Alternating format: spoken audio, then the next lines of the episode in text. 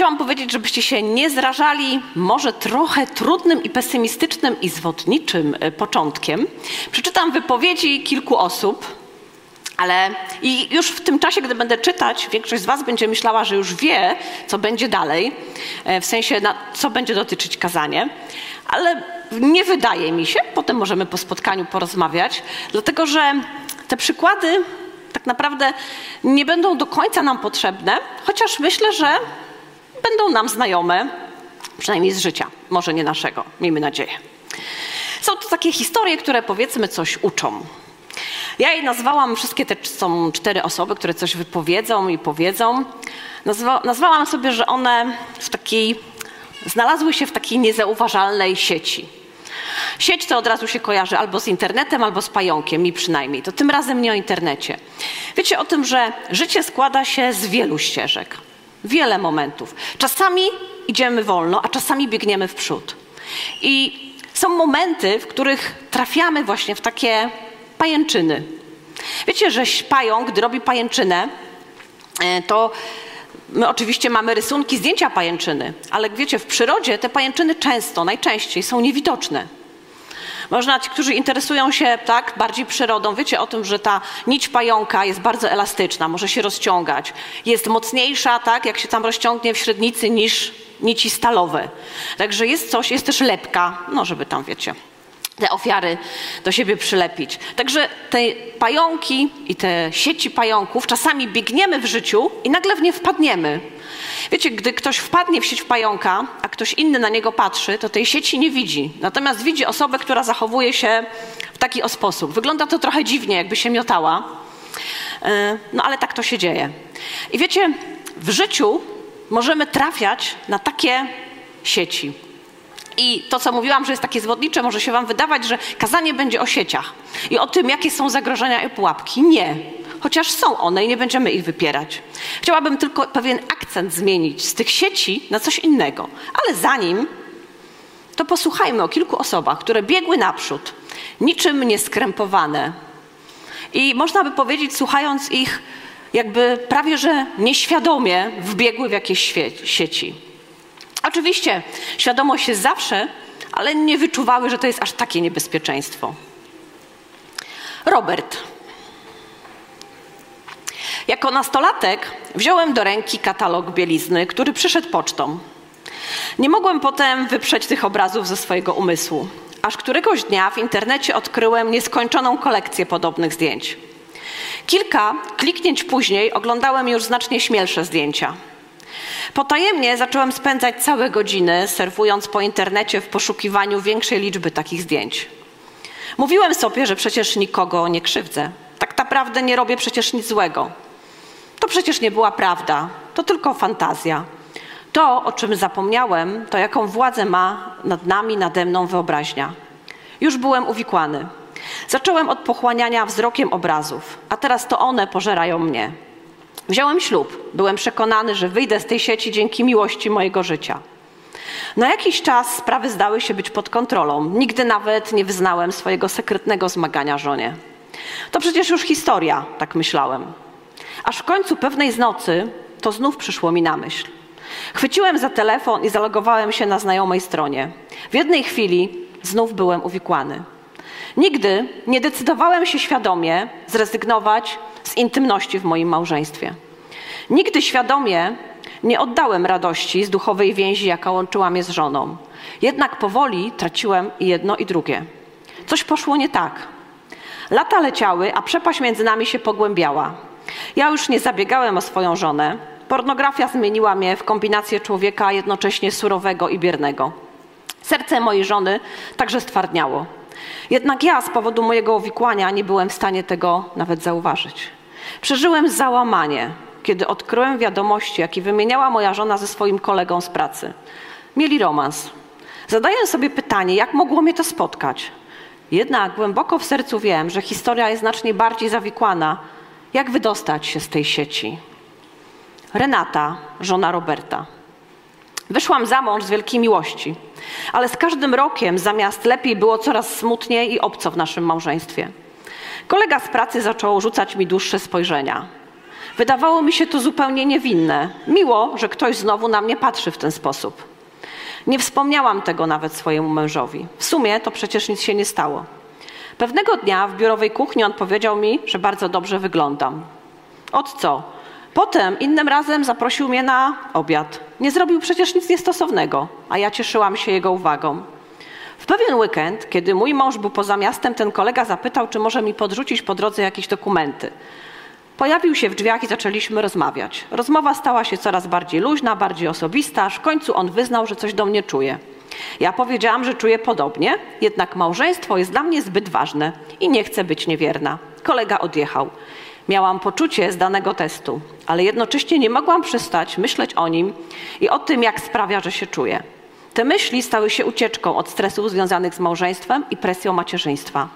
Zaczęliśmy ze sobą SMS-ować. Wiadomości stały się coraz bardziej flirtujące. Mówiłam sobie, że to nieszkodliwe. Określiłam przecież już granice, więc jakie szkody może to wyrządzić? Bywały momenty, kiedy czułam, że to, co robię, jest niewłaściwe. Ryzykujesz swoje małżeństwo, rodzinę, przyszłość, mówiłam do siebie. Jednak w tym momencie byłam już tak zaplątana, że czułam, że nie mogę się uwolnić. Byłam beznadziejnie zaplątana. Wszyscy byli w szoku, kiedy mój w końcu romans wyszedł na jaw. Dwa małżeństwa chyba skończą się rozwodem. Nigdy świadomie nie zdecydowałam się zrezygnować z męża i znaleźć kogoś innego. Jednak w jakimś momencie byłam tak uwikłana w tę sieć, że zanim się zorientowałam, byłam już zdecydowanie za daleko. Czy można wybrnąć z takiej sytuacji? I Robert i Bożena mówią, że nieświadomie wpadli w tą sieć, że to się zaczęło niewinnie, nawet bym powiedziała bardzo tak naturalnie i poszło za daleko. Ale można powiedzieć, a tam takich historii niewierności jest mnóstwo i nas to nie dotyczy, taką mam nadzieję. Bożena. Wydaje mi się, że jestem bardzo poskładaną dziewczyną. Skończyłam studia prawnicze i dostałam świetną pracę. Jednak po roku zaczęłam zauważać, że ciągle źle myślę o swoich kolegach i koleżankach z pracy. Zaczęłam traktować ich jak swoją konkurencję i dodatkowo dopatrywać się u przełożonych niesprawiedliwych zachowań wobec pracowników. Któregoś wieczoru długo o tym myślałam i zaczęłam analizować dzień po dniu yy, w tej pracy. Jak to się zaczęło? Spisałam wszystkie dowody, które świadczyłyby o tym, że mam prawo tak myśleć.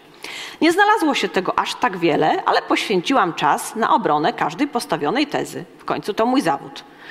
Zauważyłam, że wszystkie te myśli przyszły mi podczas rozmowy z osobą, z którą spotykałam się codziennie lub prawie codziennie po pracy. Mieszkałyśmy blisko, a ona chwilowo była bezrobotna, więc miała dużo czasu. Zapraszała mnie często na obiadki i wypytywała o firmę, wtrącając swoje uwagi. Nie wiem, w którym momencie zaczęłam patrzeć jej oczami na swoich kolegów i koleżanki jako zagrożenie w moim awansie, a na przełożonych jak na bogów, którzy bawią się swoimi podwładnymi. Muszę przyznać, że chyba wpadłam w sieć. Basia, moja sąsiadka, została zwolniona i rozstała się w ciężkiej atmosferze ze swoją firmą. Więc teraz ja zaczęłam ją dokładnie wypytywać. I okazało się, że wszystko, co mi sugerowała, że działo się w mojej kancelarii, tak naprawdę zdarzyło się w jej byłej pracy.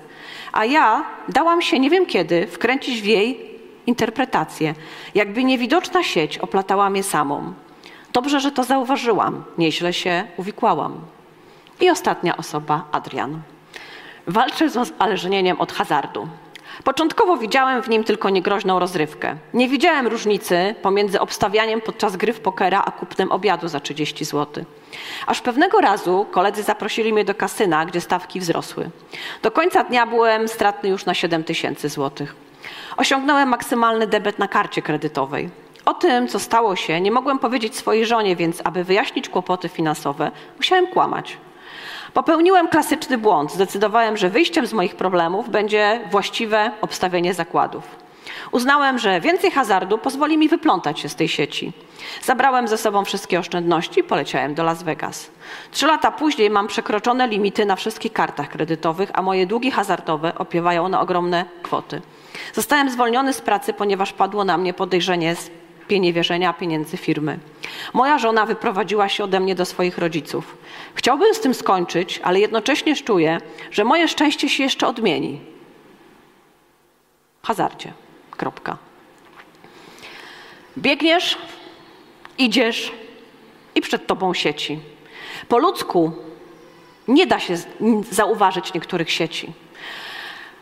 W toalecie dzisiaj powiedziałam komuś, że początek będzie pesymistyczny, ale żeby się tym nie zrażać. Specjalnie te przykłady są takie bardzo, bardzo wyolbrzymione, żebyśmy mogli pomyśleć, że są takie bardzo hardkorowe. Można by było dać bardzo delikatne przykłady. Chciałam powiedzieć, już po tym, jak to wszystko w nas osiadło, już myślimy sobie, że kazanie będzie o tym, że na naszej drodze jest mnóstwo niewidocznych pajęczyn, sieci i my musimy być tak strasznie skupieni, żeby je opuścić, bo inaczej w nie wpadniemy. Chcę powiedzieć, że nasz ciężar powinniśmy przenieść z tego szukania ciągłych pajęczyn, które są i będą przez całe nasze życie, na Boga, który jest odpowiedzią i może sprawić, że będziemy widzieć te niewidzialne pajęczyny.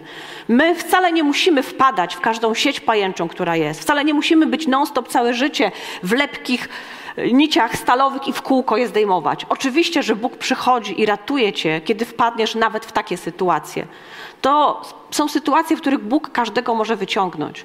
Ale Boże działanie wiąże się z rozwikłaniem tych sytuacji. Nasze ludzkie działania prowadzą nas zawsze w uwikłanie się w te sieci. Dlatego został nam dany Duch Święty. To taki moment tylko. Tak. Często, gdy czyta się takie historie, i ja często, nawet wiem, że miałam takie nauczanie na koncie, nazwałam to małe rzeczy. Małe rzeczy są początkiem wielkich. Małe początki, tak?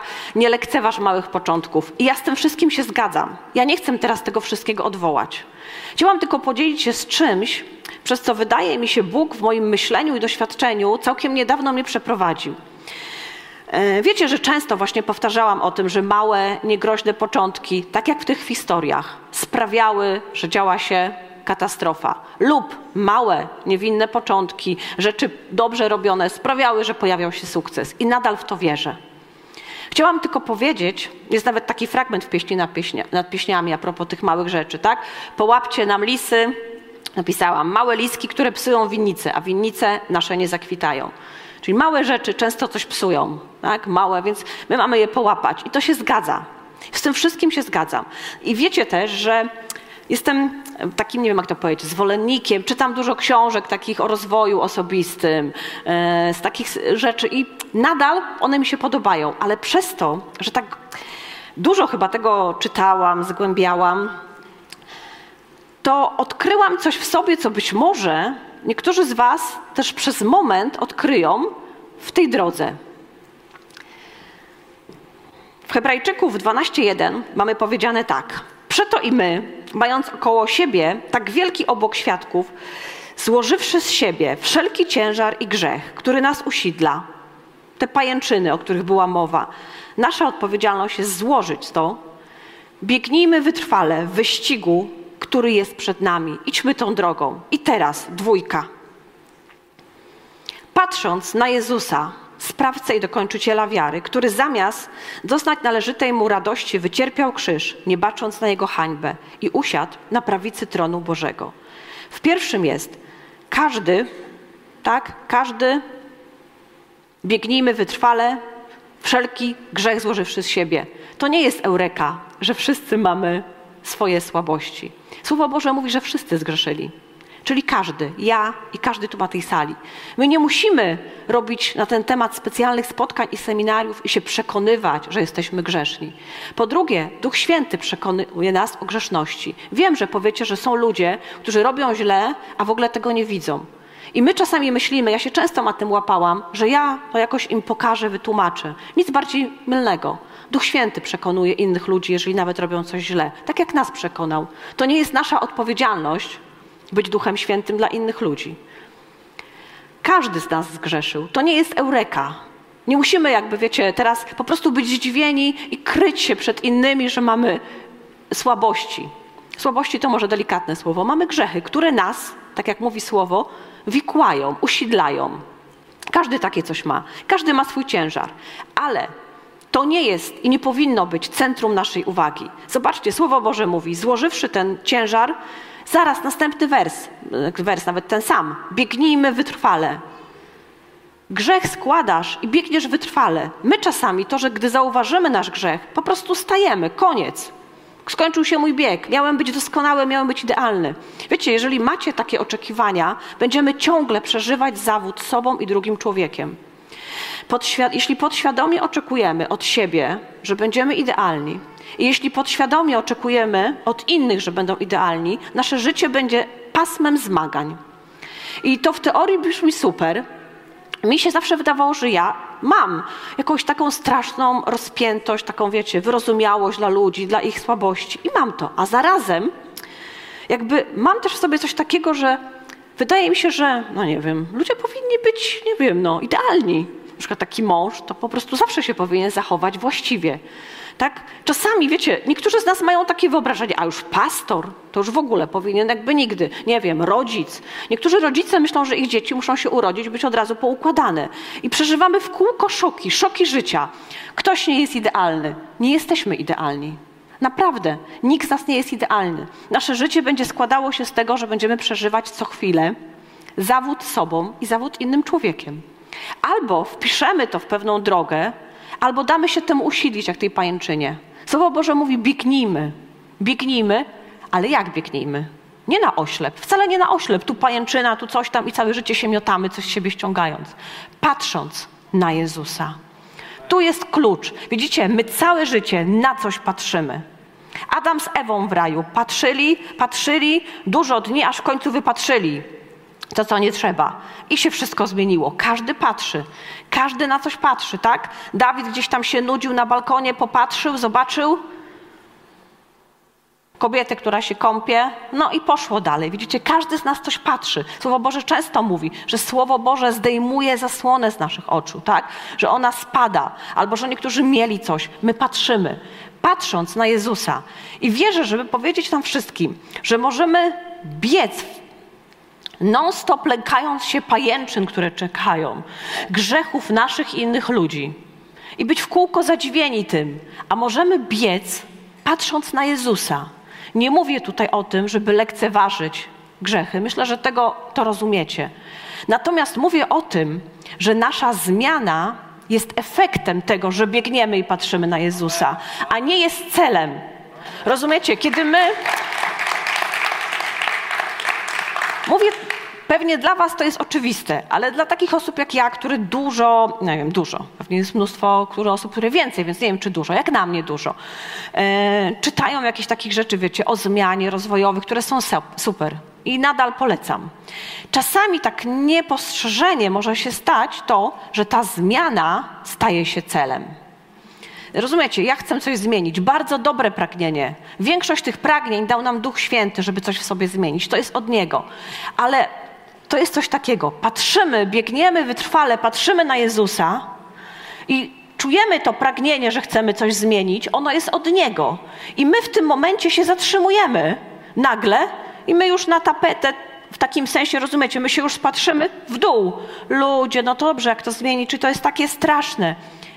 a my biegniemy za Jezusem, On nam coś pokazuje. My nie przerywamy biegu, my dalej patrzymy, biegniemy. Robimy to, co On mówi i to, co nam pokazał, się zmienia. Czasami, gdy patrzymy do Niego i coś odkrywamy, co jest trudne w nas albo trudne w innym człowieku, rozrobimy z tego centrum naszego życia. Zaczynamy, zaczynamy to celebrować. Po jakimś czasie to staje się głównym powodem naszych myśli, rozmów, nie wiem, nawet szukamy wszystkiego po prostu tylko w tym temacie. W którymś momencie wzrok nasz opuściliśmy, nie wiem, w dół, z bok i tak dalej. Mamy biec wytrwale, patrząc na Jezusa, sprawcę i dokończyciela. Ktoś jest tutaj sprawcą i to nie jesteś ty. Ktoś coś zaczął i to nie jesteśmy my. My możemy po prostu tylko biec.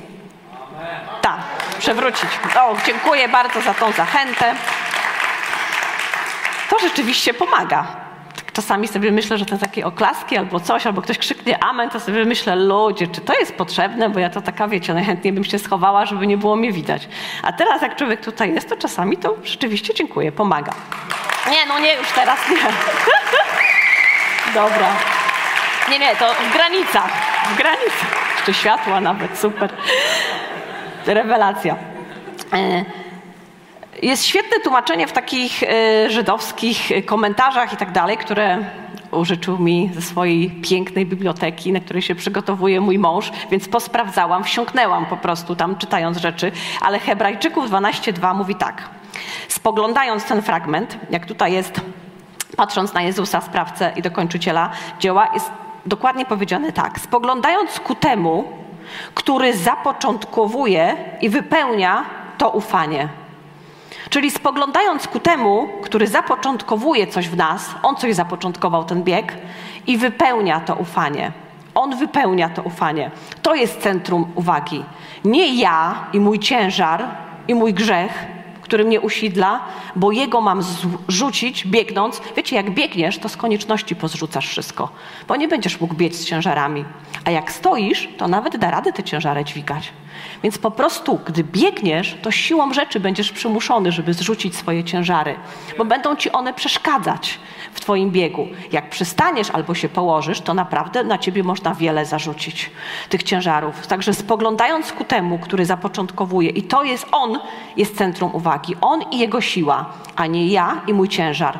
Wiem, że to się wydaje jak hasło, ale to naprawdę zmienia naszą perspektywę. Kiedyś byliśmy w takiej sytuacji, e, pojechaliśmy na konwencję, nie wiem ile to lat temu było, ale sporo. Tak, gdy jeszcze z drogi z Wrocławia do Koszalina było dosyć długo, jakiś nasz rekord był taki, jak była burza, to chyba z 8 godzin jechaliśmy droga, a teraz już są tam kawałki autostrady zrobione nad to morze, jest jakoś lepiej, ale wtedy było tak słabo. I z małżeństwem z naszego kościoła jechaliśmy ich autem, dobrym, super autem, dużym autem, e, wymyślili, że, że pojedziemy przez Niemcy, bo autostrady są szybkie i wiecie, i dojedziemy do Koszalina niby dalej, ale szybciej. Super, więc byliśmy przygotowani i tak dalej. I na tej autostradzie niemieckiej, na autostradzie, gdzie wiecie, tam te samochody, dla mnie wtedy, nie wiem ile to lat temu było, może z 10, mniejsza o to, to robiło prędkość, jak to wszystko tam, znaczy robiło wrażenie ta prędkość. I wiecie, w którymś momencie samochód przestał jechać na tej autostradzie pomimo, że byliśmy z mężem tylko pasażerami, no to wszyscy czuliśmy napięcie. Już nie mówię, że na autostradzie e, to raczej nie jest dobry moment, żeby z boku auto zepnąć. Dobrze, że był taki kawałek, no w ogóle nie wolno, no ale co zrobić, jak nie jedziesz? No nie jedzie auto, przecież go nie porzucimy, tak? Nie ukryjemy się w rowie. I wiecie, sytuacja, Duch Święty mi ją przypomniał w tym tygodniu, dlatego że Oczywiście była to sytuacja dla nas niekomfortowa. Można trochę powiedzieć, że jak nie wiem, jak ta pajęczyna, tak? Wpadliśmy w jakieś takie rzeczy, które nas chciały gdzieś tam. Była niekomfortowa, już nie było wiadomo w ogóle, co się dzieje. Auto było, wiecie, dobre, sprawne, wszystko było przed, nagle. Z...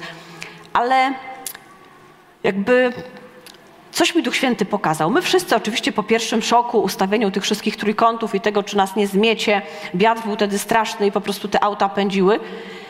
Właściciel tego auta wykonał telefon, bo miał, prawda, to całe, wiecie, ubezpieczenie i tak dalej. Zadzwonił na tą całą pomoc. Oni powiedzieli, wiadomo, no co trzeba zrobić, wiedział, ale oni tak udzielają, tak, że tam ten trójkąt, wiadomo, tam awaryjne, te wszystkie rzeczy i powiedzieli, że przyjadą najszybciej jak się da, tak?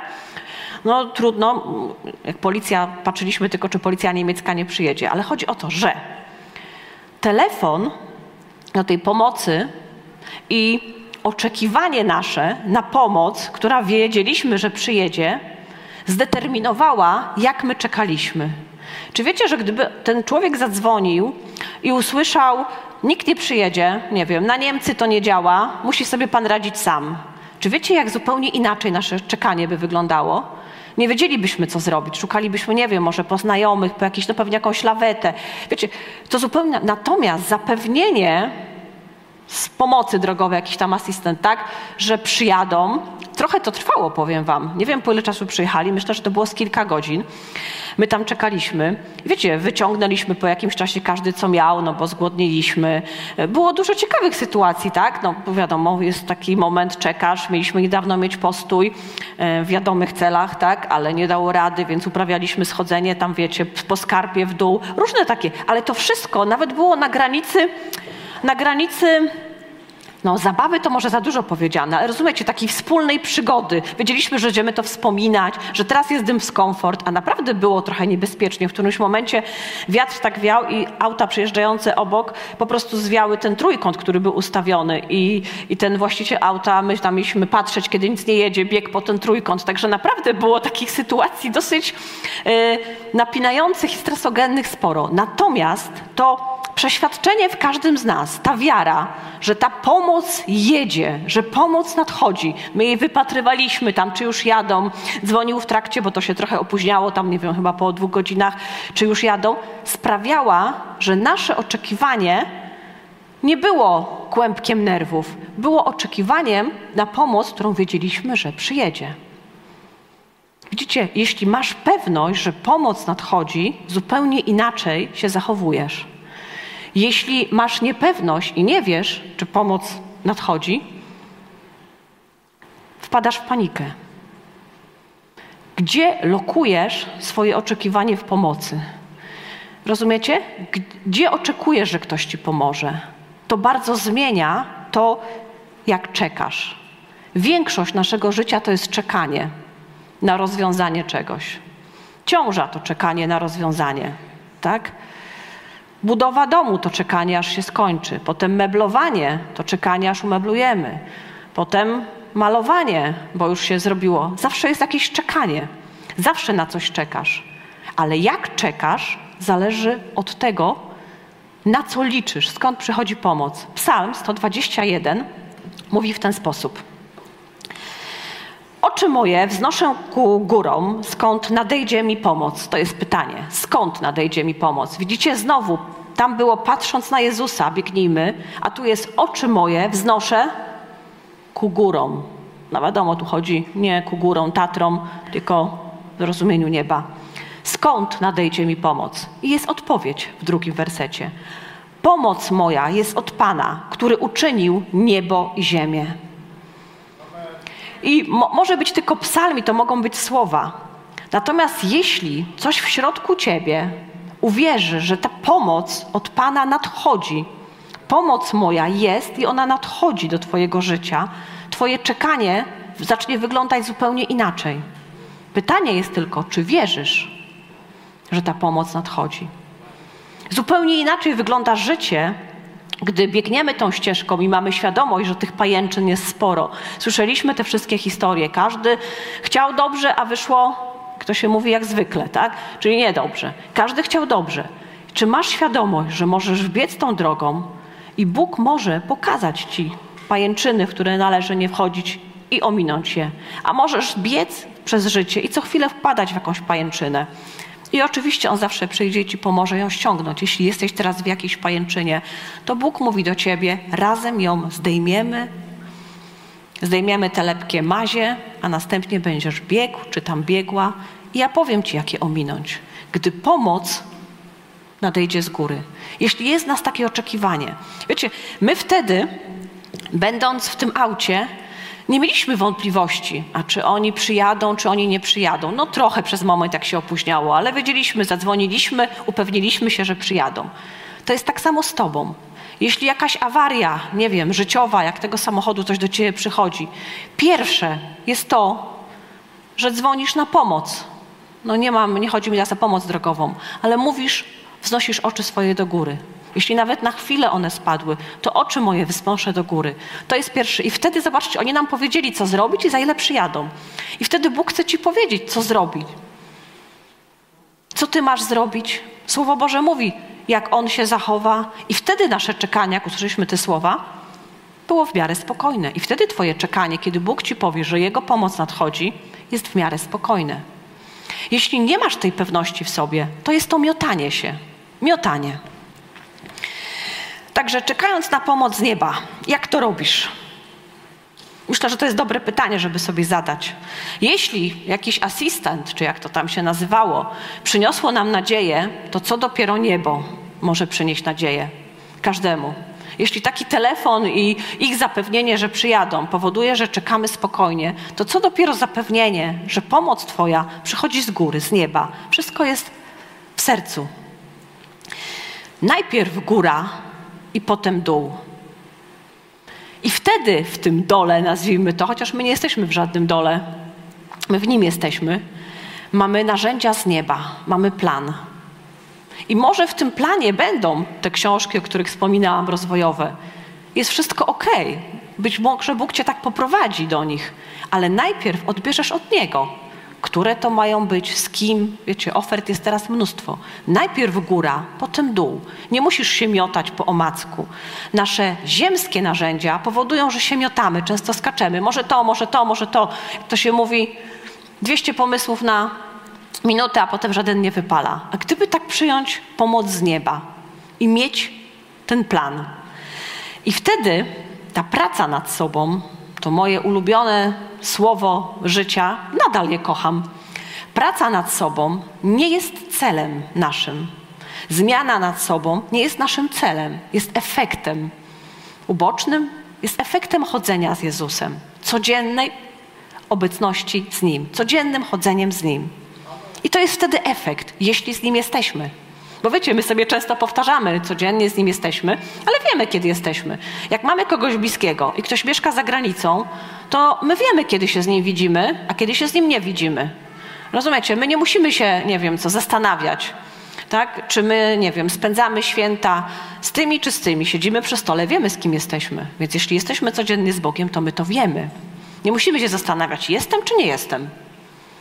Więc jeśli jesteś, to wiesz, że jesteś. I codzienna relacja z Bogiem sprawia, że efektem tego jest to, że ty się przemieniasz, że ty się zmieniasz, bo przychodzi ta pomoc z góry. Kluczowe w tym wszystkim jest to, gdzie wznosisz swoje oczy i w ogóle czy wznosisz. Bo wiecie, trzeba wtedy odwrócić uwagę od problemu, od jakichś rzeczy i wznieść je w górę.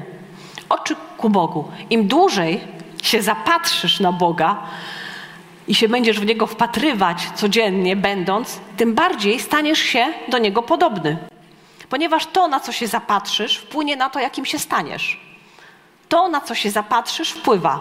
Sami pewnie to obserwujecie, że czasami, gdy ktoś ma jakiegoś idola i kogoś tak strasznie, nie wiem, z jakichś muzyków kocha i się mu przypatruje, to po jakimś czasie zachowuje się tak jak on. Ja pamiętam, jako młoda dziewczyna, miałam chyba 18 lat, prowadziłam grupę takich dziewczyn młodych, tam powiedzmy, nie wiem, między 13 i 15. I e, po jakimś czasie, tam chyba dwóch latach prowadzenia tej grupy, ktoś tak zauważył, oczywiście to takie było śmieszne, żartobliwe, że dziewczyny z tej grupy mówią podobnie jak ja, to znaczy używają tych samych gestów, jak coś mówiły. Nie, nie, nie mieliśmy grupy, która polegała na tym, powtórzcie róbcie coś. Bo niektóre gesty były fajne jakieś, a niektóre nie, bo ja dużo gestykuluję, czasami niepotrzebnie. To się działo jakby naturalnie. Spędzaliśmy czas, były grupy, ja coś mówiłam, było dużo rozmów indywidualnych. One, przynajmniej na tamten czas, były zapatrzone tak, we mnie, więc siłą rzeczy przejmowały moje zachowania. I tak się dzieje w każdym przypadku, nawet jak nie wiecie, że jeżeli na kogoś się zapatrzymy tak bardzo, to przejmujemy jego zachowania. Niektórzy twierdzą, że psy się upodabniają do właścicieli, tak? Przez samo przebywanie. Małżeństwa często upodabniają się w pewnym jakichś gestach. Czemu tak się dzieje? Ponieważ ludzie, gdy przebywamy z sobą, przejmujemy te rzeczy. Oczywiście na co się zapatrzysz, do tego stajesz się podobny. Jeśli zapatrzysz się na Boga, zapatrzysz się, nie chcesz się zapatrzeć, bo wiecie, my często chcemy się zapatrzeć. Tu w niedzielę siedzimy, dużo z nas właśnie myśli sobie od dzisiaj, od tej niedzieli żyję codziennie z Bogiem. I potem na następną niedzielę myślimy sobie, a to chyba dopiero będzie od tej niedzieli. Rozumiecie, my czasami chcemy, ale ja mówię o tym, czy my codziennie się zapatrujemy. Zapatrujemy na Niego, bo wtedy zaczynasz nabierać Jego charakteru, Jego zachowań. Stajesz się do Niego podobny. A to jest taki cel. I wiecie, wtedy to jest efekt relacji z Nim, a nie to, że Ty się tak bardzo skupiasz. Bo jeśli byśmy tak bardzo się skupiali, to wtedy powinniśmy stworzyć jakiś, wiecie, zestaw wyuczalnych, nie wiem, zachowań. Ten, kto jest z Bogiem, to nie wiem co. Stoi tak. Albo stoi tak, albo tak. E, gdy się wita, to się uśmiecha. Rozumiecie? Czasami to jest takie, że jeśli nie mamy nie zapatrzymy się na Niego, jaki On jest dla nas, to będziemy zawsze w naszym życiu stwarzać jakiś kanon zachowań, które świadczyłoby o tym, że my jesteśmy z Bogiem. I kanon zachowań, który świadczy, że nie jesteśmy z Bogiem. A widzicie, czasami jest tak, że ktoś siedząc na tej sali ma spotkanie z Bogiem i prawie, że nogi się pod nim ugięły, więc usiadł na siedzeniu.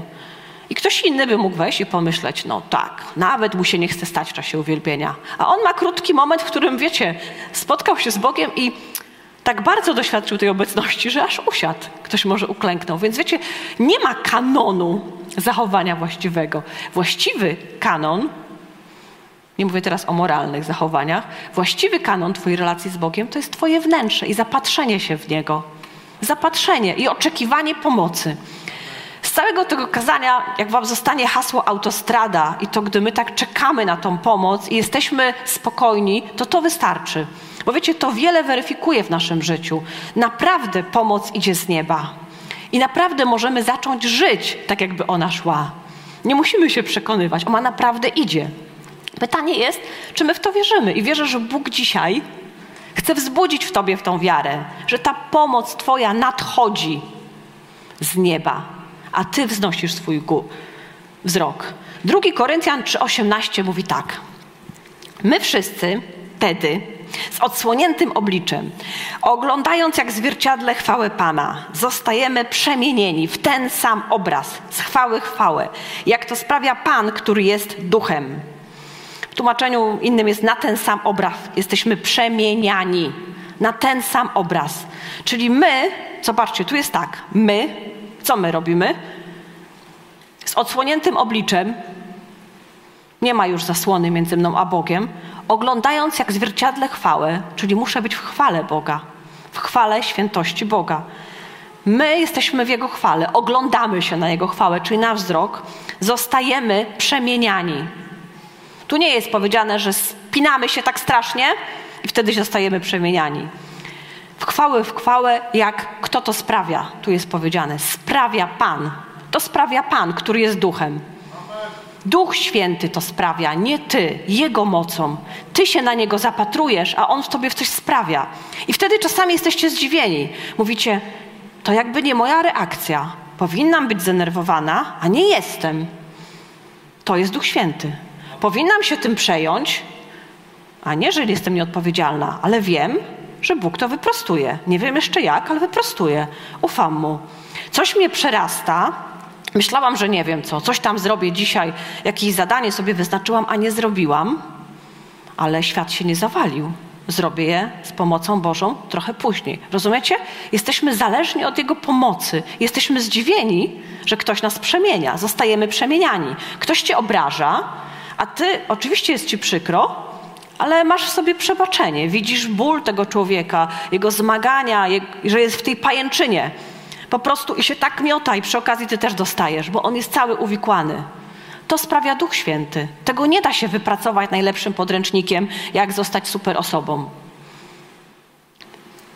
Sprawia to Pan, który jest Duchem, Duch Święty. Dobrze, już nie. Także prawie, że kończymy. Aha, no jak wiedziałam, mi się zawsze wydaje, że ja mam bardzo krótko, a potem wychodzi bardzo długo. Zapatrzeć się w siebie lub w Boga. W siebie Jesteś wtedy zależny, czy i jak wychodzi. Czy ci wychodzi? Jeśli ci wychodzi, jeszcze ci dobrze wychodzi, jak jesteś zależny od siebie, to jesteś zadowolony. Jeśli w Boga, jesteś zależny od Jego zdania. Bez względu na to, jak ci idzie. Jesteś zależny od Jego zdania. Jego zdanie masz tutaj. Jeśli w siebie popadasz w dwie rzeczy. Jesteś albo samozadowolony, albo samopotępiony. Jeśli wszystko, co sobie zaplanowałeś i spisałeś rano, wszystkie cele, nie wiem co tam, zrobić to, zrobić tamto, zrobić to, wysłać 50 maili, sprzątnąć dom i coś jeszcze i to wszystko wieczorem sobie odhaczyłeś, albo jak cię nauczyli, jak 80% zrobiłeś, albo 50% to jest sukces, więc jak się udało, jesteś zadowolony. Ale było coś nieoczekiwanego, coś się wydarzyło w ten dzień i nic się nie udało z tego zrobić. Jesteś załamany, przechodzisz z samozadowolenia w samopotępienie. I wiecie, ludzie, plany są bardzo dobre, żeby wam zostało tutaj bardzo dobrze, planuj to wszystko, miej cele, zadania, spisuj to, ale niech to wypływa z tego, że najpierw się zapatrzyłeś w Pana i On dał ci pewną inicjatywę, pewną myśl, pewien impuls i ty to spisałeś, a nie narzędziami ludzkimi. Ponieważ gdy z siebie jesteś zapatrzony, dryfujesz między samozadowoleniem lub samopotępieniem. Samozadowolenie, jak wszystko ci wyjdzie, i samopotępienie, ono jest częściej ludzi dopada. Wbrew pozorom, Wcale nie trzeba ludzi tak bardzo przekonywać. W tych historiach, które czytałam na początku, to nie były wierzące osoby. A pomimo tego one czuły, że to nie jest do końca właściwe. Ludzie czują, sumienie się w nich tam, wiecie, odzywa. Samopotępienie. A samopotępienie jest bardzo szkodliwe, bo samopotępienie to jest tak, jakbyś był statkiem i ktoś by cię przyczepił do brzegu I ten łańcuch przy kotwicy jest bardzo długi, ale to samo potępienie cię trzyma. I nawet jak ci się wydaje, że ty wypływasz na wody, to w którymś momencie jest pff, bo cię trzyma to samo potępienie. To tak działa i z powrotem zawracasz. Więc to jest coś, z czego wszelkie uwikłanie należy zrzucić, ponieważ my siebie nie potępiamy. Bóg ciebie nie potępił, ubarł za to, żebyś ty nie musiał być potępiony. To, co możesz zrobić, to przyjąć Jego wolność i zacząć z Nim żyć, a On będzie cię przemieniał ku świętości. W Bogu, dobra, już nie możecie klaskać, bo musimy już się bardzo spieszyć. A ja już jestem wystarczająco zachęcona. Dziękuję bardzo. Tak. tak. E, jeszcze światło. Więc ty oczekujesz, że masz być idealny, idealna, ale Bóg wie, że ty nie jesteś. Naprawdę. I nie jest z tego powodu zasmucony, nie jest zły na siebie, nie jest zaskoczony nawet. To ty jesteś często zły, zaskoczony, zasmucony. Więc zacznij biegnąć za nim i on cię będzie przemieniał z tego, co jest twoim zmaganiem teraz. Nie rób z tego ołtarzyka, albo ja taka jestem, albo ja taki jestem. No to zacznij biec a nie stawiaj stacji takich, wiecie, ołtarzyków i przy nich się pokłaniaj. W Bogu jesteś jak nasiono. Jak nasiono. Rozumiecie? Drzewo, jakie zasadzisz, takie malutkie nasiono w ziemi, to to nasiono się nie musi tam spinać w tej ziemi, żebym tylko wyrósł, żebym tylko wyrósł na drzewo, żebym tylko wyrósł, co zrobić, żeby był drzewem. No przecież nie musi się, wiecie, nie musi być takiej napinki. Wystarczy, że będzie we właściwej glebie, będzie słońce, będzie deszcz i wyrośnie na silne drzewo. I tak samo jest z Tobą. Bóg do Ciebie przyszedł. Jest nasienie w Twoim sercu. Z nieba jest Duch Święty w Tobie. Wystarczy tylko odpowiednia atmosfera. Zadbaj o to, żebyś był w odpowiedniej ziemi, z odpowiednim pokarmem codziennie. Podlewać trzeba codziennie, wtedy lepiej rośnie. Jak nie ma deszczów, to jest susza i wszystko więdnie. Tak samo jest z tobą. I nie musisz się spinać, czy ja będę rósł, czy ja będę rósł, a obok rośnie szybciej. No może to jest szybsze nasionko. Tak, albo chwast, jakkolwiek. Nie musisz się spinać, po prostu codziennie i rośniesz. Odpowiednie warunki i rośniesz. Dobre warunki i jest silne drzewo. W siebie, jak się zapatrzysz, to właśnie się będziesz tak spinał. Będzie ciągły wstyd, ciągły zawód i to cię będzie tak pff, trzymać. W Bogu jego jarzmo, czy jak to powiedzieć, ten ciężar, o którym czasami mówimy, jest taki fragment w Ewangelii, nie jest ciężkie. To nie jest jakaś napinka ciągła w życiu. Słowo Boże mówi, że ono jest lekkie i miłe. Sprawdźmy Mateusza 11.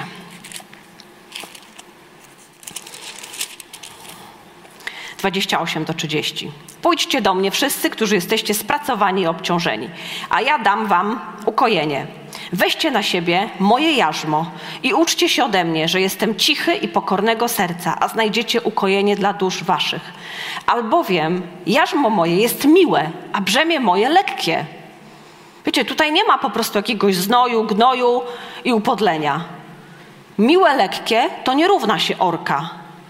I nie o to chodzi, że nie będzie cierpienia. Tylko chodzi o to, że jak my na tej autostradzie, nawet jeśli jest to cierpienie i niedogodność, ty wiesz, że pomoc nadchodzi i rozwiązanie jest. I wtedy zupełnie inaczej. Nie o to chodzi, że nie czujesz bólu, nie czujesz niedogodności, nie boli cię zdrada. Wszystko to czujesz i wszystko to widzisz, ale pomimo tego nie jesteś w to uwikłany, nie robisz z tego ołtarzyka. Biegniesz wytrwale i zostajesz przemieniany. Jesteś zaskoczony, że nagle widzisz to inaczej, a po jakimś czasie widzisz, że Bóg nawet z tego wyciągnął coś dobrego i czegoś cię nauczył. I mówisz: Wow, wow, wydawało mi się, że to katastrofa, a to Zwycięstwo to tylko Ty, Boże, i o to chodzi, bo to Pan sprawia, który jest duchem, nie my. Nasze ludzkie siły są naprawdę ograniczone, nawet tych najlepszych bo wtedy upadek też jest mocny. Miłe i lekkie. Podoba mi się bardzo ten żydowski komentarz, bo moje jarzmo jest nieuciążliwe, a moje brzemię lekkie. Jarzmo nieuciążliwe. Bo i wtedy, gdy przyjdziemy do Niego, bo On jest cichy i pokornego serca, znajdziecie ukojenie dla dusz waszych. W greckim jest powiedziane, znajdziecie wypoczynek, odpoczynek dla dusz waszych. Często nasze dusze są niewypoczęte a jarzmo jest miłe i nieuciążliwe. Nieuciążliwe oznacza brak starań, to też było w komentarzu żydowskim, brak starań i jednocześnie maksimum starań. Brak starań naszych ludzkich. i maksimum tego, co ci powie Bóg. Wtedy idę na całość i wtedy robię wszystko, jak potrafię najlepiej, bo odebrałem instrukcję z nieba. Ale z siebie brak starań, równocześnie brak starań i maksimum starań. Co rządzi w Twoim sercu? Taki jest test w Kolosan 3:15. Czy pokój? Tam jest słowo pokój użyte, a tak naprawdę w greckim jest napisane, gdzie taka mądra jestem, bo poczytałam to wszystko, a to naprawdę jest wciągające. I jakby zmienia mm, perspektywę, bardziej jakby ją rozszerza. Jest powiedziane tak w Kolosan. A w sercach waszych niech rządzi pokój Chrystusowy, do którego też powołani jesteście w jednym ciele, a bądźcie wdzięczni. Tam jest powiedziane to słowo, które jest pokój, to jest szalom. Tak? Pokój, szalom i niech szalom, który pochodzi od Mesjasza, piękne, to sobie aż tu zakreśliłam, decyduje o postanowieniach waszego serca. Szalom to jest ta pełnia, wszystko. To jest odpocznienie, obfitość, uzdrowienie, uwolnienie, wszystko pełnia. I niech to, co jest w Bogu, to szalom, ten pokój, który pochodzi od Mesjasza, znowu widzicie, on nie pochodzi z nas, pochodzi z nieba, z góry. Nikt go nie wyprodukował, nawet jakby się tak napinał, jak to nasionko, nic to nie da. Decyduje, ten pokój niech decyduje o postanowieniach waszego serca. No piękne. To, co my wiedzieliśmy. Ten, ten pokój, ponieważ nadchodzi pomoc. Autostrada, pamiętajcie, zmienia Twoje podejście, emocje, wszystko, jaką masz pewność. Oczy moje zawsze patrzą na, psa, na Pana, mówi psalm. Jest mnóstwo takich fragmentów, możecie sobie wyszukać oczy moje i zobaczycie. Także słowa muszę się zmienić, muszę się modlić, muszę być lepszy. W pewien sposób są prawdziwe, ale w największy sposób nas paraliżują. Muszę, muszę, ja, ja. Ja, ja, ja. I znowu ołtarzyk, co ja muszę. Wiecie, że Bóg z nami tak nie rozmawia. Muszę, muszę, muszę, ja, ja, ja, w kółko w centrum, ja. Bóg zmienia Twoją optykę. Jeśli coś będziesz musiał, to ja Ci to powiem. Zaproponuję i Ty z tym pójdziesz. Z miłości, z posłuszeństwa. Najpierw mnie po prostu pokochaj. Czy chcielibyśmy w małżeństwie, żeby, nie wiem, żona się budziła i mówiła, muszę, muszę, muszę się dzisiaj uśmiechnąć, Boże, tak mi ciężko. Oczywiście czasami tak jest, że to jest decyzja. Generalnie wypływa to z miłości. Nie robisz wszystkiego, muszę, muszę, muszę. Większość rzeczy płynie w tobie. Jeśli jest awaria, jak na autostradzie, wznosisz wzrok do góry i czekasz, idziesz za nim, żeby on cię przemienił. Nie masz sterty ludzkich pomysłów nagle. Muszę, bo często to nas paraliżuje i zdejmuje uwagę z Boga i skupia na nas.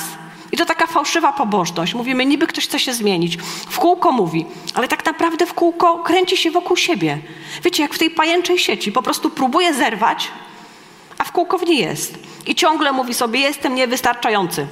Eureka. Tak, jesteś niewystarczający. Ja też. Każdy z nas grzeszny. To żeśmy ustalili na początku i tak będzie. Natomiast Bóg nas zmienia z chwały chwałę, przemienia. On, sprawcą jest Duch Święty, którego też świętujemy dzisiaj. Także nie skupiamy się na tych zewnętrznych zachowaniach, ale na tym, co jest w naszym sercu i co jest gorące i niezależne od opinii ludzkich. Skończymy się modląc, patrząc na Jezusa, sprawcę i dokończyciela, dzie, dokończyciela, dokończyciela dzieła. Biegnijmy wytrwale.